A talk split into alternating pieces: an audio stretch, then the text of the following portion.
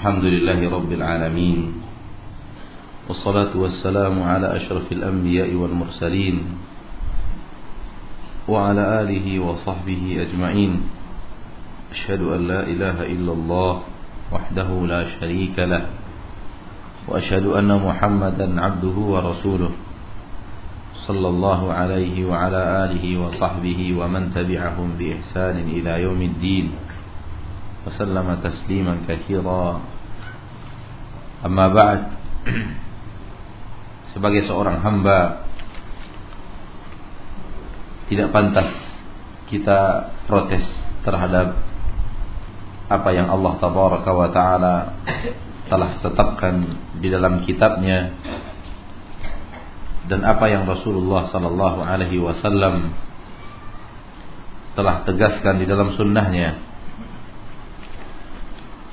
sebagai seorang hamba kita wajib untuk bersyukur kepada Allah atas rahmat dan nikmatnya.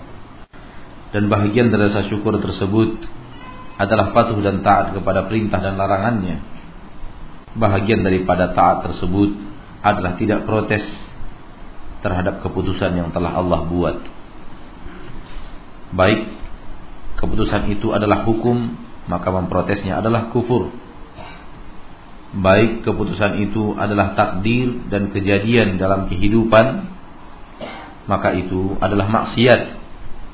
Seperti orang yang tidak rela ayahnya wafat kemudian tasakhut marah ketika anaknya wafat ini adalah maksiat dan tidak halal bagi seorang muslim dan muslimah untuk tidak ridho kepada apa yang Allah putuskan di dalam ilmu Allah yang maha luas.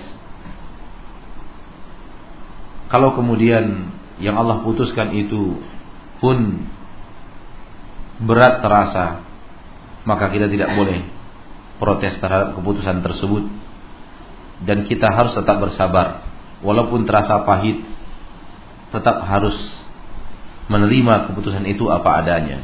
Dan orang yang bersabar disayangi Allah tabaraka wa taala dengan firman-Nya, "Innallaha ma'as sabirin." Sesungguhnya Allah bersama orang-orang yang sabar dan sabar adalah sebuah perjuangan untuk sampai ke dalamnya.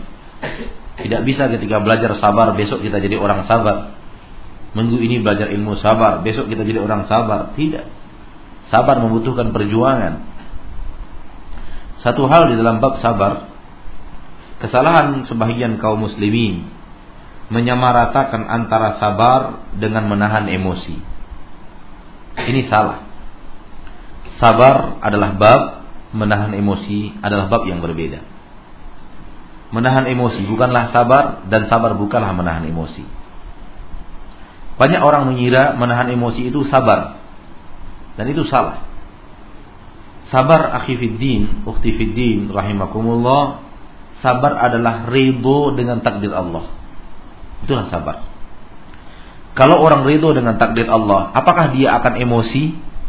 Jawabannya tidak. Ketika seseorang anaknya diwafatkan oleh Allah dengan keadaan mendadak, mungkin tabrakan, mungkin tanpa penyakit sebelumnya, mungkin ketelan biji rambutan wafat. Ada orang ketelan biji rambutan wafat. Karena masuknya melalui saluran pernapasan, ketelannya ke saluran pernapasan bukan wafat. Ya, sampai sekarang ibunya trauma melihat rambutan. Ibu si anak ini trauma. Ini kejadian asli bukan di karang-karang. Dan tidak mau makan rambutan.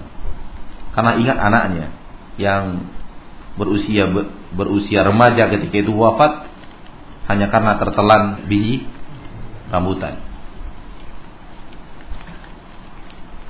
Ketika dia ridho dengan keputusan itu, dia tidak akan marah. Namun Islam adalah agama yang telah meletakkan sesuatu pada posisinya yang pas. Islam tidak mengharamkan orang ketika emosi, tidak. Orang emosi itu suatu hal yang wajar. Islam tidak tidak menghalangi dalam arti kata tidak mengharamkannya. Namun yang diharamkan oleh agama Islam apabila emosi itu kita lampiaskan dengan sebuah aksi yang batil. Mungkin mencaci, mungkin mengumpat, mungkin marah-marah, mungkin meninju, memukul, itu yang salah. Meninju, memukulnya yang salah. Soal emosi, suatu hal yang diajarkan, yang di, dianggap oleh agama Islam suatu hal yang wajar. Anda manusia, wajar suatu saat Anda emosi. Itulah Islam. Maka orang yang sabar, dia tidak akan emosi. Namun kadang-kadang manusia sampai kepada titik alfa. Karena dia adalah manusia. Timbul keemosinya. Timbul amarahnya. Ketika itu ada bab lain yang di dalam agama Islam dipuji. Kazmul ghaib. Tahan amarahmu. Jangan lampiaskan. Redamkan dia.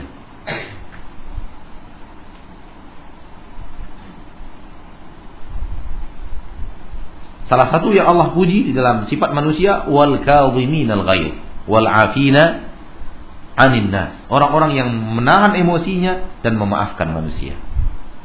Salah satu ciri penduduk surga. Jadi emosi menahan emosi bukanlah sabar. Sabar bukanlah menahan emosi. Sabar itu adalah begitu keputusan Allah datang walaupun terasa pahit kita terima. Kita tidak protes. Dan itu tidak akan membuat kita emosi. Dan senikmat-nikmat orang hidup di permukaan bumi adalah orang sabar. Hidupnya ketika orang lain goncang dia tidak goncang. Ketika orang lain frustasi dia tidak frustasi. Ketika orang lain galau dia tenang. Makanya Umar berkata radhiyallahu anhu, "Inna wajadna khaira ayyamina fi sabr." Kami menemukan hari-hari terbaik kami adalah dengan sabar. Adalah dengan sabar. Suatu saat dalam sebuah majelis taklim ibu-ibu kita bicara tentang sabar. Namun kita tidak ungkap tentang kazmul ghaiz, menahan emosi. Minggu berikutnya ibu itu datang lagi dan bertanya, "Ustaz, saya sudah berusaha untuk sabar menghadapi anak anak remaja saya, anak lajang saya. Setiap saya marah, semenjak pengajian kita yang lalu, saya urut dada, biasanya saya marah-marah, saya lepaskan emosi saya, sekarang saya urut dada dan saya duduk saja. Saya amalkan. Ketika saya berdiri, saya duduk. Tapi kenapa seminggu saya lakukan itu, tensi darah saya naik. Kepala saya pusing-pusing. Kenapa sabar membuat orang tensi darahnya naik? Saya katakan, Bu, itu namanya ibu bukan sabar. Itu namanya nahan emosi. Sekali-kali boleh, tapi keseringan berbahaya. Keseringan berbahaya. Lalu kita terangkan beda antara sabar dengan menahan emosi. Pertanyaan pertama, ada yang mengatakan bahwa Yahudi Israel memerangi Palestina karena mengambil tanah. Apa benar? Mengambil tanah yang mana? Pertanyaannya kurang jelas.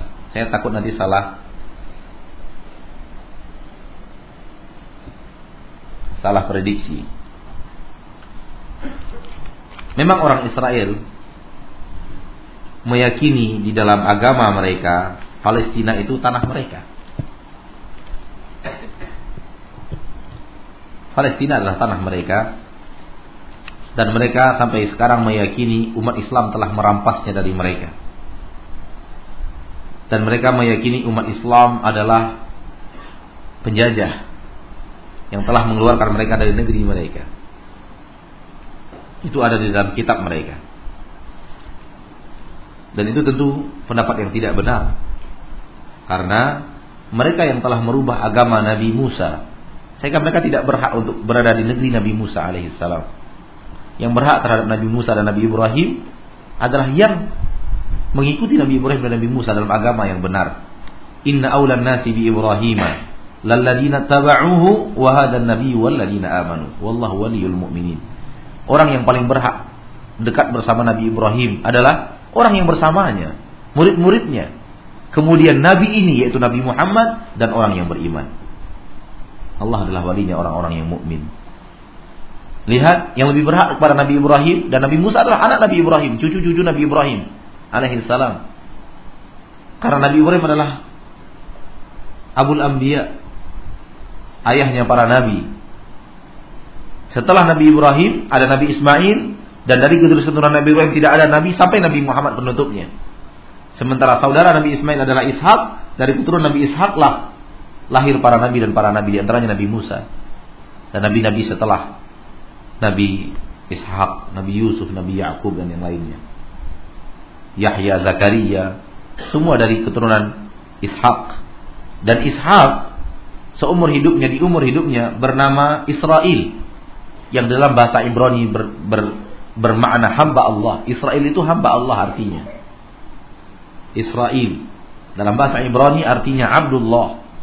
Bani Israel anak keturunan Israel yaitu Ishak.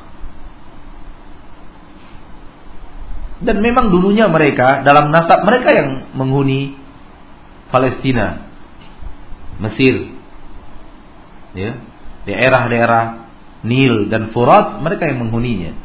Garis keturunan mereka secara nasab. Tapi mereka kemudian menyelewengkan dan melencengkan agama Nabi mereka, agama kakek-kakek mereka. Sehingga kemudian datang Nabi Muhammad dengan hujah yang nyata bahwa mereka telah melenceng dari agama yang benar dan Nabi meluruskan mereka ketika mereka tidak mau diperangi dan akhirnya mereka terusir dari negeri Palestina. Bukan hanya mereka, namun yang yang beriman tetap ada di sana. Tetap ada di sana. Namun setelah per, permasalahan ini lama, akhirnya Bani Israel merasa itu mereka adalah agama sendiri. Padahal Bani Israel itu terbagi dua, yang nasab mereka terbagi dua, ada yang mukmin, ada yang tidak. Gitu. Tapi yang tidak banyak dan mereka menguasai ekonomi dunia dan kemudian ketika perang dunia dua mereka membiayai Inggris dengan syarat kami biayai perang Anda dengan syarat sampai sampai Anda harus menjajah Palestina serahkan Palestina ke kami. Akhirnya Inggris menyerahkan Palestina ke Israel diakui oleh dunia internasional. Akhirnya secara hukum internasional Israel berhak mendapatkan negeri itu. Namun kita umat Islam merasa mereka menjajah kita. Mereka merasa mereka dijajah. Akhirnya nggak pernah putus masalah ini, nggak pernah kelar pembicaraannya. Selalu terjadi baku hantam, selalu terjadi pembunuhan, hidup yang tidak tenang, hidup yang penuh dengan ancaman. Ketika para ulama kita memberikan nasihat kepada warga Palestina, terimalah pembatasan wilayah. Mereka marah kepada para ulama. Kenapa Anda rela memberikan bumi Anda kepada orang-orang kafir? Dasar, gini dan segala macam. Subhanallah. Para ulama kita berpikir keselamatan umat Islam darah yang tertumpah. Nyawa seorang muslim itu mahal. Hilangnya dunia lebih mudah di sisi Allah dibanding hilangnya nyawa seorang muslim. Tapi semangat buta, ilmu yang kurang, kemudian lebih mempertahankan sejengkal tanah dibanding nyawa ratusan manusia. La ilaha illallah. Fikih mana ini? Tidak ada di dalam syariat Islam. Tanah lebih berharga daripada nyawa orang Islam. Tidak ada. Lihat tiap sebentar umat Islam bertumpahan. Oh, untuk membakar semangat kemudian diulu-ulukan. Mereka para syuhada, mereka para syuhada. Subhanallah. Melanggar hadis Nabi lagi. Memberi gelar kepada seorang syuhada, syahid, haram hukumnya dalam agama Islam. Lihat. Ilmu yang kurang, takwa yang kurang, semangat yang berlebihan membawa hasil yang tidak baik bagi manusia. Betapa banyak para politikus Islam marah kepada para ulama ahlu sunnah ketika para ulama menyarankan kepada warga Palestina terimalah batasan daerah. Oh tidak bisa, kita harus mereka telah merampas. Oh kita begini, kita harus perjuangkan sampai titik darah penghabisan. Lalu Anda mengorbankan nyawa ribuan ke umat Islam. Anda rela saudara-saudara Anda memerangi Israel dengan batu dan kerikil dan pecahan kaca Sementara Israel memerangi saudara-saudara kita dengan tank dan baja dan senjata api lengkap. Tidak kasihankah Anda kepada umat Islam? Tidak kasihankah Anda kepada umat Nabi Muhammad? Tidak berhargakah nyawa umat Islam di sisi Anda? Wahai para politikus Islam, sadarlah. Subhanallah. Mana akal? Mana syariat? Mana din?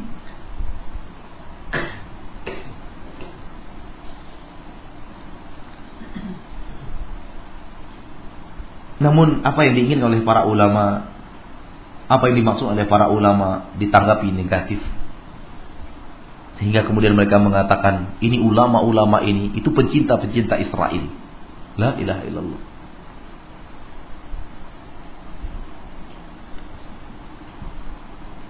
Baru-baru ini ada SMS dari Telkomsel tentang lelang berhadiah. Apakah ini halal atau haram Ustaz?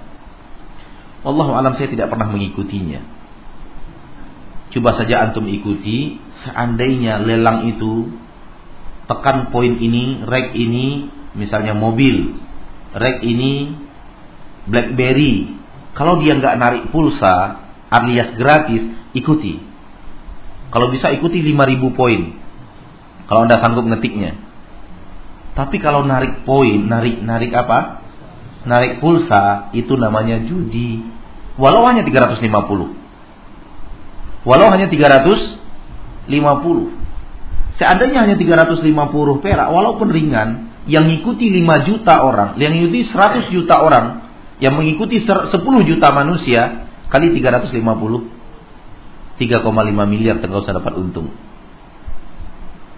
Dari 3,5 miliar, Blackberry-nya 10, Avanza 1. Ya. Ini otak dagang. Otak kadang dalam skala nasional. Kita mungkin berpikir 350 nggak ada apa-apanya hilang. Kalau kemudian mengikuti 10 ribu orang, masing-masing orang 10 poin, sudah 100 ribu, eh, 10 juta maksudnya. Masing-masing orang 10 poin, berarti 100 100 juta. 100 juta kali 350, 35 miliar.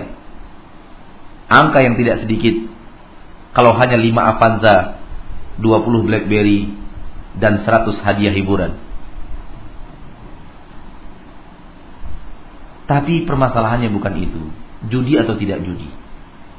Dari mana kita dapat poinnya? Apakah berkurang nilai pulsa kita atau tidak? Ketika berkurang haram itu judi. Berarti kita investasi harga. Ada duit yang kita letakkan untuk menarik harga tersebut. Mau dibilang lelang, mau dibilang hadiah hiburan, mau dibilang uh, apa namanya ulang tahun Telkomsel, terserah. Mau bilang apa? Asal ditarik dana pulsa haram, judi. Tapi kalau gratis Tafadhol. Silahkan.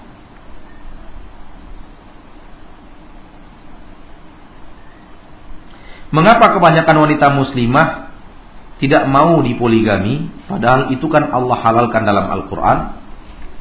Tidak semua yang halal itu nikmat, Pak.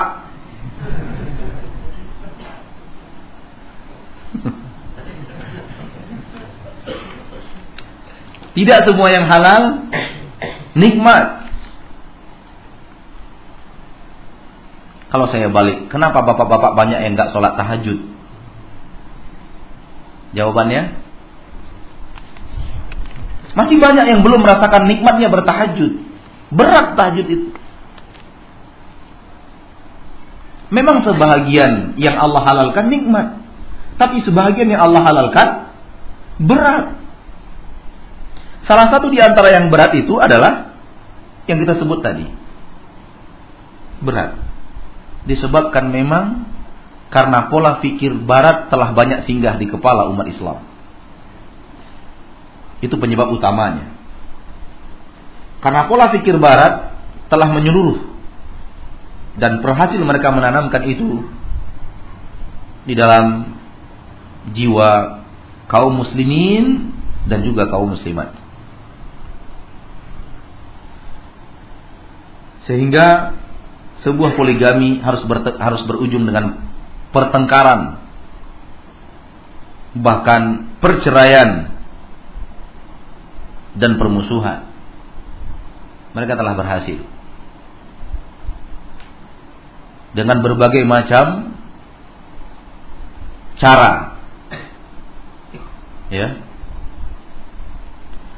Dan juga yang membuat ini semakin parah adalah perilaku poligami orang yang berpoligami.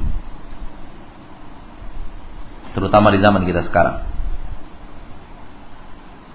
Itu yang membuat suasana semakin parah. Mentang-mentang dapat istri muda, istri tua digantung tanpa tali.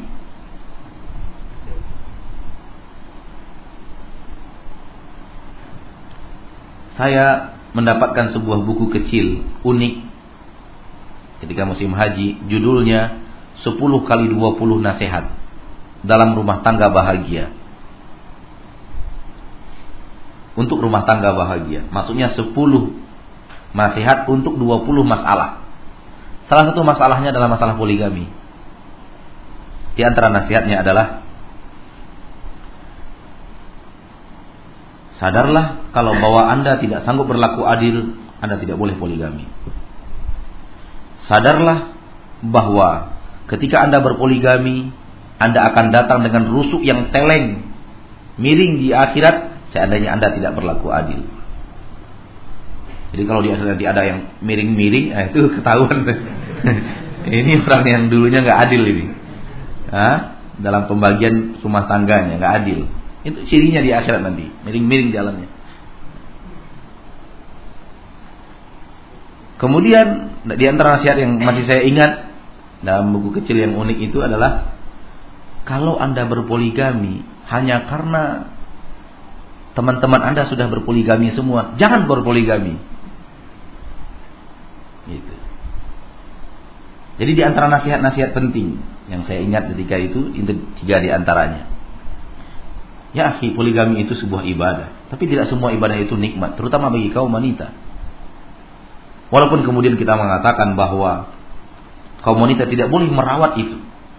Dia harus berusaha berjuang untuk melawan itu. Tidak boleh kemudian dia menghambat laki-laki berpoligami 100%. Membuat dinding sampai ke langit. Tidak ada alasan. Tidak boleh sama sekali. Karena menghambat sebuah syariat yang sudah ada pasti terjadi mudarat.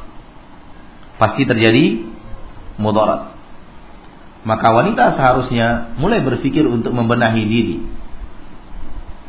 Ya, sedikit demi sedikit latih jiwa untuk terima ridho kepada keputusan Allah dan menyadari keadilan Allah dalam masalah itu dengan syarat dia yakin suaminya pasti juga berlaku adil. Ya. Dan berbagai macam cara. Oleh karena itu, satu lagi tentang tentang tentang poligami. Nasihatnya, kalau Anda berpoligami karena unsur aib yang ada pada istri Anda, jangan berpoligami. Karena hanya karena aib yang ada di istri Anda, jangan berpoligami. Jangan ta'adud. Karena ketika Anda ta'adud lagi, ada aib lagi di istri Anda yang kedua. Mau poligami lagi? Begitu sampai yang keempat, mau nambah lagi? Orang berpoligami itu ingin menegakkan hukum Allah di permukaan bumi. Ikhlas kepada Allah. Poligami adalah ibadah saudaraku. Tidak bukan karena semata-mata syahwat. Walaupun itu ada unsur di situ. Tapi tidak semata-mata itu. Yang terpenting adalah ibadah kepada Allah. Yang terpenting Anda melahirkan mukmin, mukminah yang Anda didik di jalan Allah, melahirkan tentara-tentara Islam, melahirkan wanita-wanita muslimah yang taat, hafal-hafal Al-Qur'an, hafal-hafal hadis, ini yang kita ingatkan untuk beribadah kepada Allah di dalam memperbanyak keturunan, bukan semata-mata syahwat. Maka bila Anda berpoligami hanya karena syahwat, sadarlah suatu saat Anda akan pasti cerai-berai dalam dalam langkah Anda. Dan jangan kemudian dibungkus dengan itu kan sunnah. Padahal maksud utamanya syahwat. Nggak boleh. Gitu. Masalah ini masalah rumit, tidak bisa dibicarakan dalam 1, 2, 3 menit. Bila mengingkari ayat Al-Quran maka kufur keluar dari agama Islam. Bagaimana dengan mengingkari qada dan qadar yang dasarnya dari hadis? Qada dan qadar juga ada di dalam ayat. Tidak hanya ada di dalam hadis. Sama. Juga hal hal yang sama dengan mengingkari dajjal, azab kubur. Apakah juga kufur? Ya. Kufur, mengingkari azab kubur, mengingkari dajjal kufur. Apabila dia sudah sadar, itu datang dari Al-Qur'an. Ayat azab kubur ada di dalam Al-Qur'an. Ya. Dajjal ada di dalam hadis. Namun di dalam Al-Quran ada. Yaitu dengan mengatakan, Wa ma'atakumur rasulu fakudu. Itu berarti menyuruh kita beriman dengan Dajjal. Karena Dajjal datang dari Nabi Muhammad Sallallahu Alaihi Wasallam. Bagaimana hukum bayi tabung? Apakah haram? Mohon nasihat. Allah alam soal bayi tabung anda tidak berani menjawab karena tidak tahu hukumnya. Apakah Bani Ubaid yang pertama kali merayakan Maulid Nabi tetapi kenapa disandarkan kepada Salahuddin Ayyubi? Wallahu alam. Soal sejarah siapa yang pertama kali mengadakannya? Mungkin mereka, ya Fatimiyun sebagaimana diterangkan oleh sebagian para ulama. Tapi yang jelas bagi kita adalah bahwa itu tidak pernah Nabi lakukan. Itu yang terpenting. Maka pasti ahli dikafirkan ulama sementara Khawarij tidak karena sewaktu mereka diperangi harta dan wanita mereka tidak dirampas perang padahal ada hadis bahwa mereka keluar seperti anak panah keluar daripada busurnya dan hadis-hadis yang lain. Seperti yang kita katakan bahwa mengkafirkan para sahabat tidak sama dengan menyatakan para sahabat salah. Kemudian mengangkat Ali sampai kepada jenjang Nabi itu tidak sama dengan tidak setuju kepada sebuah hukum manusia terhadap kitabullah Orang khawarij berasal karena ibadahnya. Kesalahannya terjadi karena ibadahnya. Karena takutnya kepada Allah. Berbeda dengan Syiah. Yang berasal dari hawa nafsu. Dan ingin merontokkan Islam. Para khawarij yang mengkafir-kafirkan pemerintah. Tujuan mereka untuk apa? Untuk menegakkan syariat Islam. Semangat beribadah. Kalau tidak mereka tidak akan rela mati. Kalau tidak mereka tidak akan apa? Tidak akan rela mati. Dan mereka tidak akan bermain dengan senjata polisi. Itu tantangan nyawa bagi mereka. Mereka khawarij datang dari agama yang benar, namun semangat yang terlalu terlalu kemudian terseleweng. Berbeda dengan Syiah. Allah Bolehkah kita bersalaman dengan kakak istri? Boleh bersalaman dengan kakak istri dengan syarat istri kita sudah wafat lalu kita nikahi dia. Boleh. Itu boleh di situ. Mau bersalaman sama kakak istri boleh. Dengan syarat wafat dulu istri kita, baru kita nikahi dia. Boleh bersalaman dan lebih daripada itu.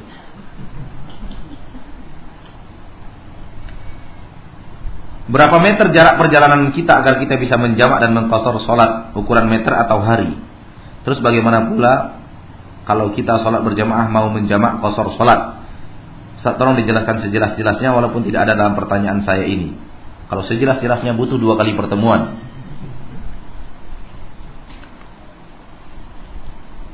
Hitungan jarak meter tidak ada di dalam sunnah Rasulullah SAW yang tegas. Di dalam hadis Al-Quran tidak ketemu.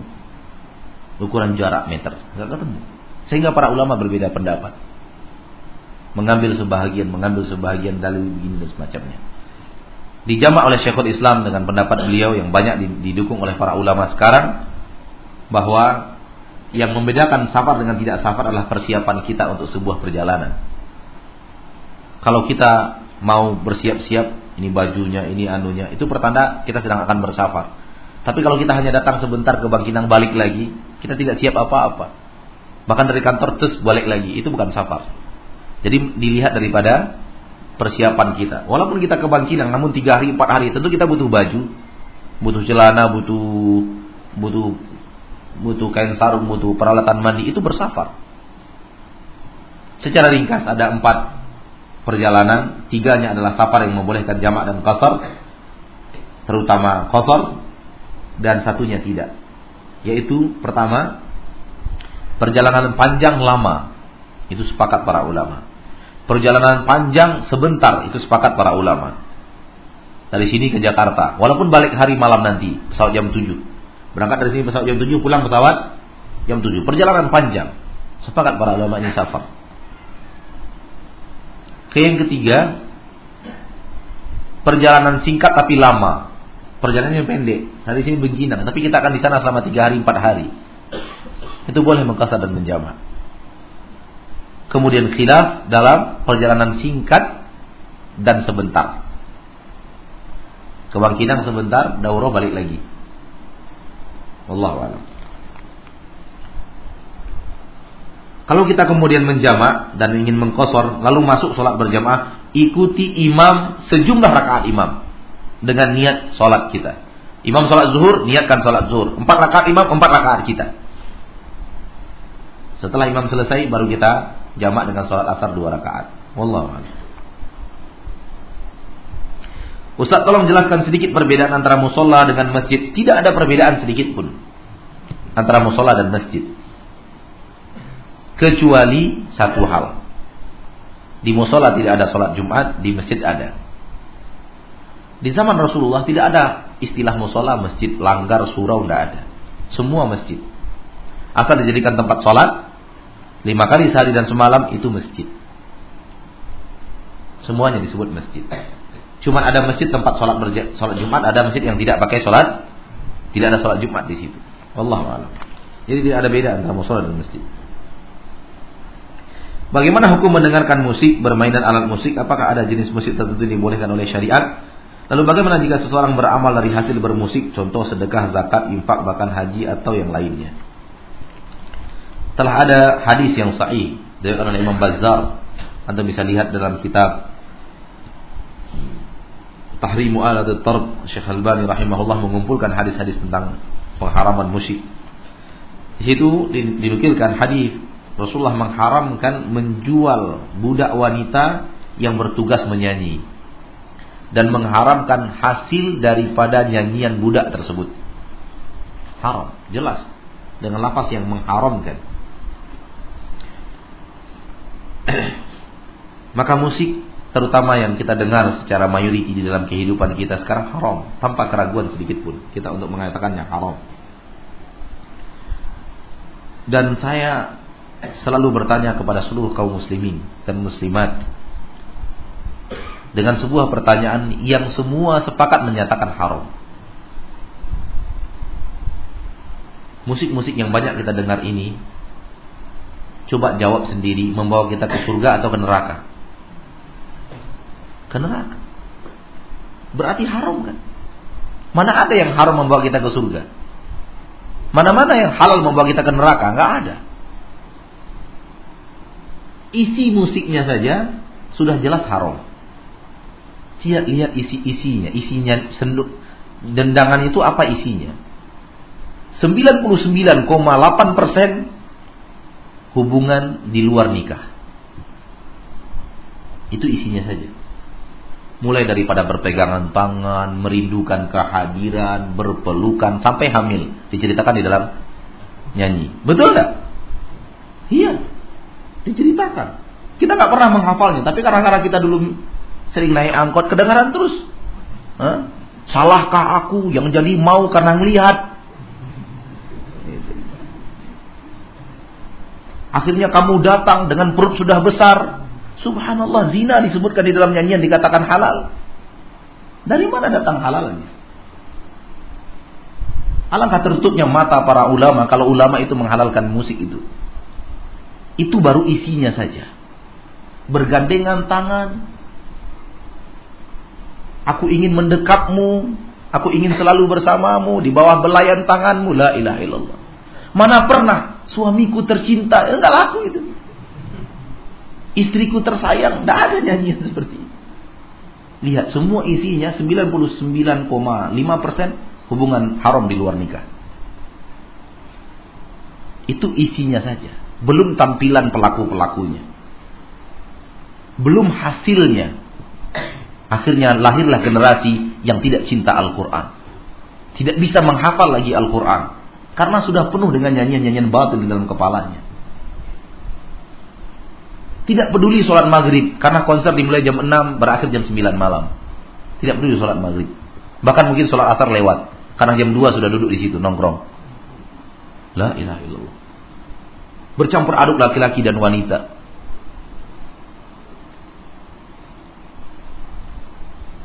Kadang-kadang kita lewat ada acara diputar orang sang biduan laki-laki atau pria bernyanyi itu di sekelilingnya hafal semua tuh yang sekelilingnya ikut bergoyang hafal nyanyian itu. Malah saya sempat berpikir suatu saat Ustadz kita baca Al-Quran semua yang hadir baca Al-Quran gitu mengikuti gitu. Tidak pernah ada. Kalau Ustadz baca Quran diam aja semua. Tapi ketika biduan menyanyi hafal semuanya. Inilah umat Islam sekarang potret yang sangat menyedihkan. Namun yang lebih menyedihkan ketika ulamanya menghalalkan. Apabila kita sholat fardu di masjid, apakah kita disunnahkan dulu setiap sholat fardu tahiyatul masjid sebelum azan? Mohon penjelasan. Janganlah tulis mohon penjelasan gitu. Memang akan dijelaskan. Mubazir penanya. Sholat tahiyatul masjid harus dilakukan setiap kita masuk masjid. Kecuali kalau sholat tahiyatul masjid itu bisa dilakukan langsung dengan sebuah sholat yang akan kita lakukan. Contoh, kita masuk masjid jam 9 subuh. Jam 9 pagi maksud saya. Kita ingin sholat duha kan? Itu bisa, sholat duha sudah untuk tahiyatul masjid boleh langsung sekalian. Tapi kalau kita masuk masjid jam 2 siang, itu nggak ada sholat kan? Baru harus sholat di masjid. Ketika kita masuk sebelum sholat didirikan antara azan dan iqamah, ada sholat-sholat di situ. Sholat qobliyah. Gabungkan tahiyatul masjidnya dengan sholat qobliyah itu. Tidak mesti harus dua rakaat yang namanya tahiyatul masjid. Tahiyatul masjid dulu dua rakaat, baru sholat qobliyah dua rakaat. Enggak, enggak harus seperti itu. Karena kalau anda meyakini tidak boleh orang duduk di masjid sebelum tahiyatul masjid, harus tahiyatul masjid dua rakaat, maka orang yang hadir langsung sholat isya empat rakaat belum boleh duduk karena dia belum tahiyatul masjid. Betul? Dia belum tahiyatul masjid kan? Baru sholat isya, berarti belum boleh duduk dong. Harus berdiri lagi tahiyatul masjid dulu. Itu menandakan bahwa maksud hadisnya berbunyi begini, lafaznya. Apabila kalian masuk masjid, jangan duduk sebelum sholat dua rakaat. Nabi tidak mengatakan sholat apa pun. Jadi sholat dua rakaat mana pun, apalagi empat rakaat, sudah membolehkan orang duduk di masjid. Itulah tahiyatul masjid. Jadi boleh dia duha, boleh dia qobliyah, boleh dia uh, sholat lainnya, sholat setelah wudhu kita masuk masjid. Sudah sholat dua rakaat sudah boleh duduk, sudah halal duduk. Boleh sholat zuhur, boleh sholat subuh, boleh sholat isya, boleh sholat maghrib. Asal sholat dulu sebelum duduk itu sudah boleh.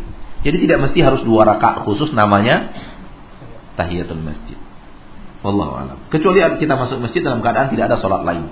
Seperti yang saya katakan tadi, masuk masjid jam 2 siang, masuk masjid jam setengah lima sore. Itu harus tahiyatul masjid. Karena nggak ada sholat yang lain.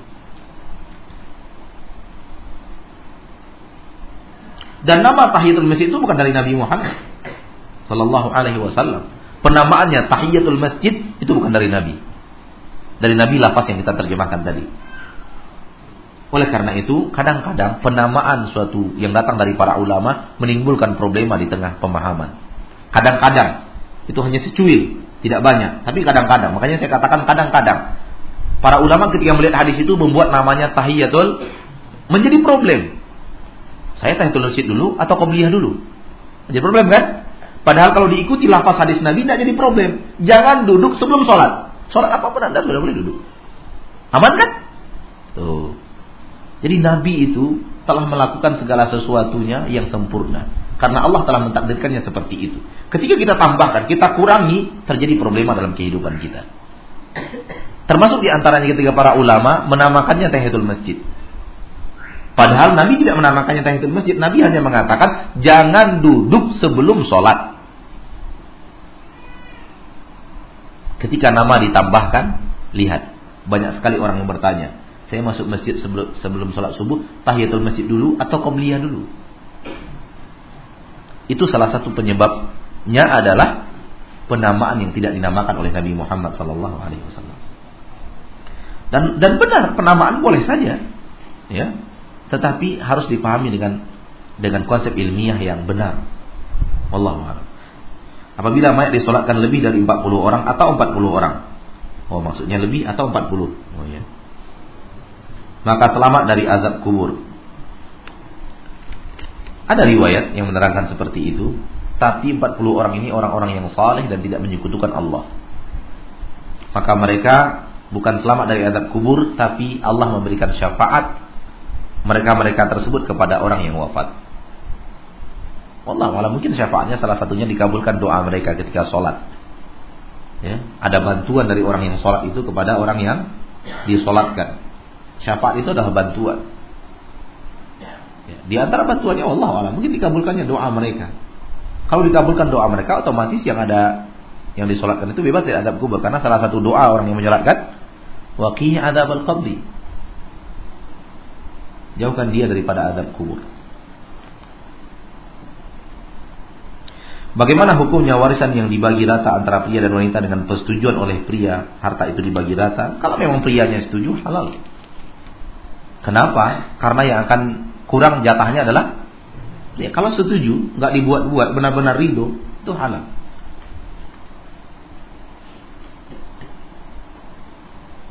Bagaimana hukumnya asuransi kebakaran untuk rumah dibolehkan di dalam Islam atau tidak? Kalau di asuransi itu ada unsur kadang menang, kadang kalah, itu judi. Buang jauh-jauh dari kehidupan kita. Kalau di dalam asuransi itu ada unsur kadang menang, kadang bagaimana? Baru masuk dua bulan, rumah terbakar, menang kan? Dapat 5 miliar. Padahal baru insetnya 5 juta. Gitu. Itu menang berarti. Baru 5 juta dapatnya 5 miliar. Menang kan? Menang. 5 juta, 5 juta, sudah 500 juta uang kita di sana. Rumah nggak kebakar-bakar. Kalah kan? Kalah. Berarti ada unsur judi di situ. Nggak boleh. Dan orang asuransi tidak menegakkan asuransi dan tidak akan marah asuransi kalau nggak punya untungnya banyak. Asuransi kesehatan, semua karyawan harus diasuransikan kesehatan. Yang sakit cuma 5% dari karyawan itu. Semua antara diasuransikan 100%. Ya menang lah. Kalau boleh buka asuransi, saya buka juga asuransi. Duitnya banyak di situ. Tapi karena tidak dibolehkan. Karena ada unsur judi di situ. Termasuk kadang-kadang, nauzubillah, yang atas nama syariah. Saya pernah setelah pengajian di salah satu instansi di negeri kita ini datang asuransi syariah menawarkan itu asuransi wafat. Hanya 50 ribu sebulan. Kalau ada wafat, dapat mobil jenazah gratis, kemudian uh, di, di, di uang uang untuk keluarga 2 juta setengah. Sebulannya cuma 50 ribu. Coba lihat. Kalau yang ikut kemudian 500 orang, ya tinggal kali 550 ribu per bulan. Kemudian yang wafat berapa lah? Ya kan? Satu yang kemudian bisa jadi orang itu udah batal batal batal hilang hangus uangnya.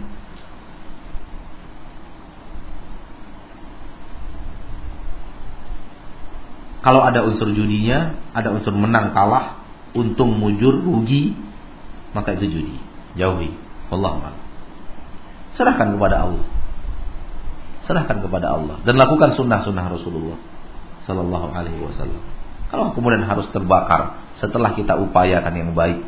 Kalau memang takut betul rumah terbakar karena terlalu megahnya, pasang di situ alat alat alat deteksi kebakaran.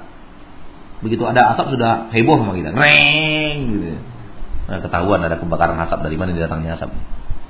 Eh tahu-tahu orang tuanya yang ngerokok.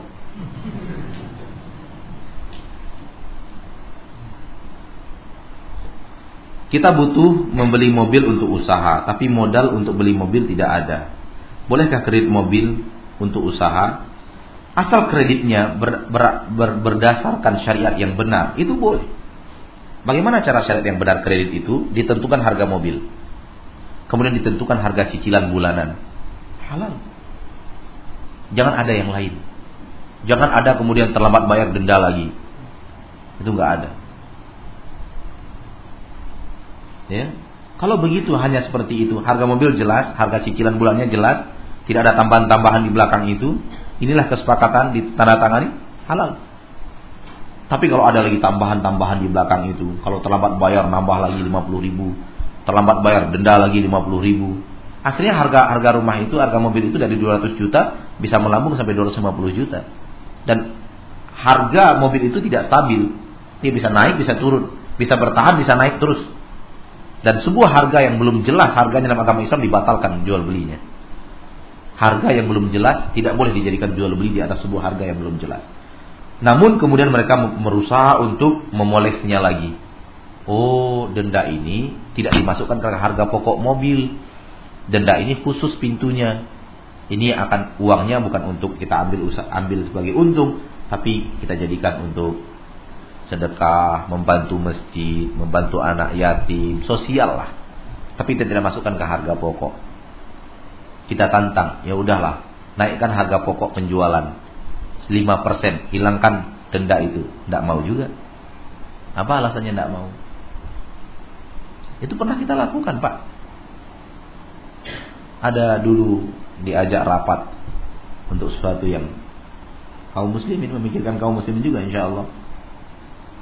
Ini tidak masuk harga pokok, harga pokoknya segini. Denda ini di luar. Ini hanya untuk ini, untuk ini. Itu kan alasan Anda. Kami kan nggak tahu. Kami kan nggak berhak minta pembukuan Anda mana? Mana denda saya kalian bawa ke mana? Kan kita nggak berhak minta pembukuannya.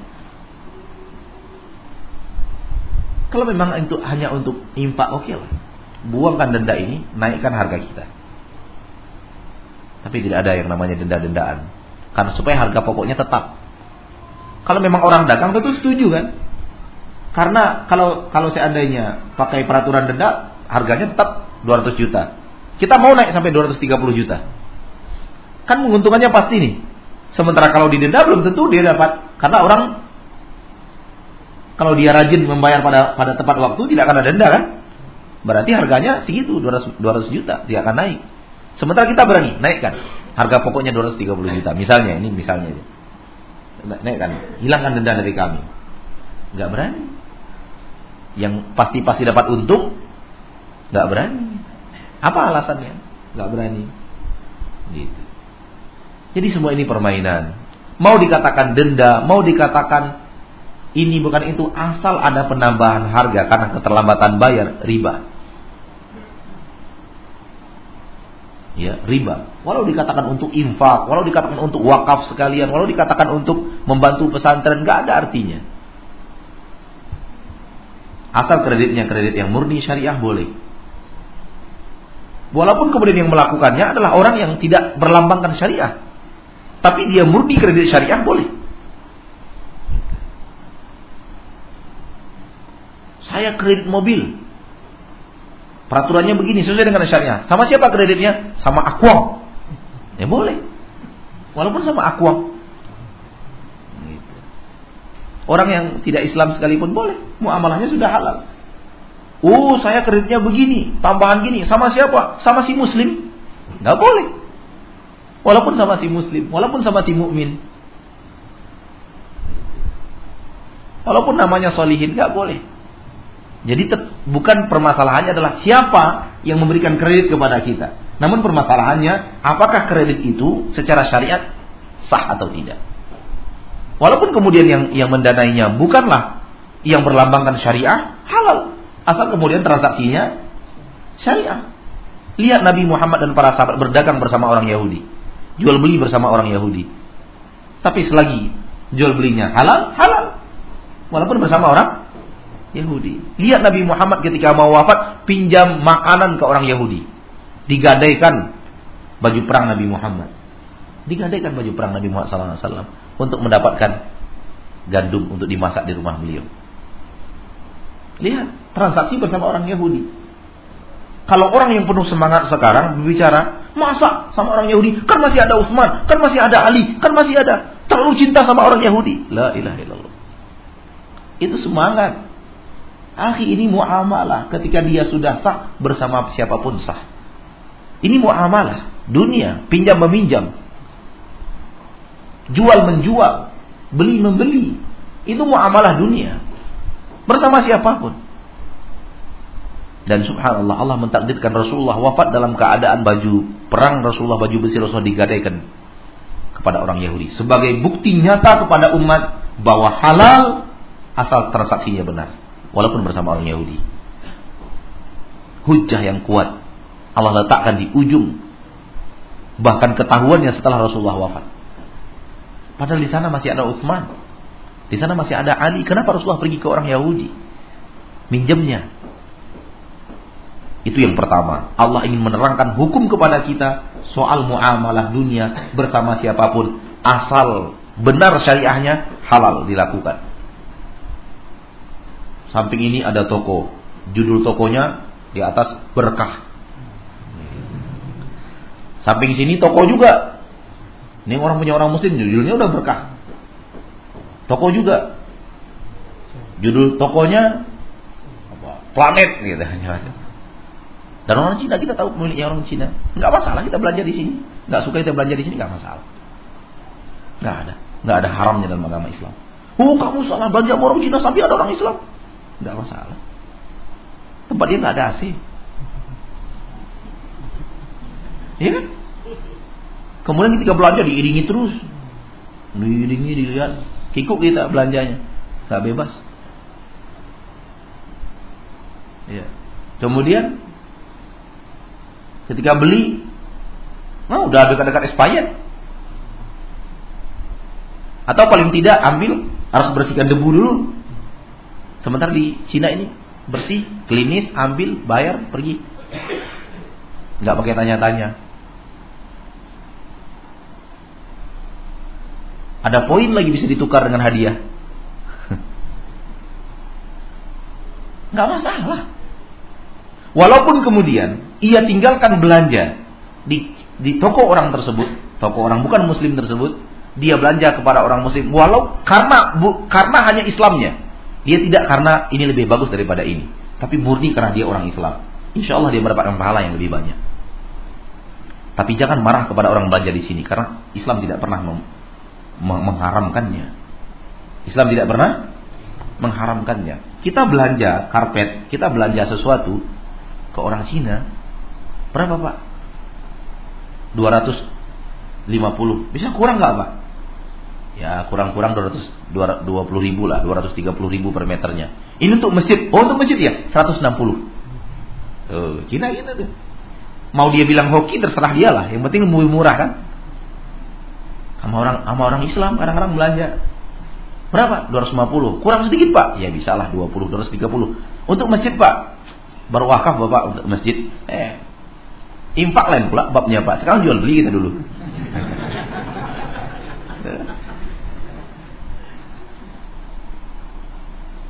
Infak infak pula pak. Saya beri jual beri infak pak di rumah pak. Infak lain lagi babnya. Sekarang kita jual beli 230 net. Akhirnya orang senang belanja ke ke Cina karena begitu bilang di masjid, langsung harganya brus, drastis. Itu pengalaman. Dan mungkin antum juga pengalaman yang mungkin lebih banyak daripada saya. Soal itu. Soal rumah ibadah, Cina biasanya tidak mau dia. Ya. Allah alam. Dan itu membuat membuat hasilnya subhanallah. Lihat orang-orang banyak belanja, rumah ibadah dibelanjanya ke Itu halal karena kita dengan dia jual beli. Dia dengan kita jual beli bukan kemudian ngambil aneh-aneh, enggak, jual beli halal. Halal. Itu yang pertama. Ketika Rasulullah wafat, baju perang sedang digadaikan sama orang Yahudi. Allah ingin menerangkan kepada kita hukum soal muamalah, jual beli, pinjam meminjam, jual dan beli dan semacamnya itu urusan dunia, tidak ada hubungannya dengan agama. Lihat Nabi Muhammad tidak memilih Utsman lebih memilih orang Yahudi, tidak ada masalah. Satu. Pelajaran berharga kedua, seorang guru tidak boleh berharap dari muridnya. Andai kata baju perang ini dibawa Rasulullah kepada Utsman, menantunya, Utsman, saya lagi nggak ada makanan di rumah, saya mau gadaikan baju perang. Diterima Utsman nggak? Nggak bakalan. Utsman akan mendatangkan makanan yang sangat banyak sekali. Bahkan yang ada di rumahnya suruh bawa ke rumah Nabi dulu kita belakangan karena cinta Utsman kepada Rasulullah.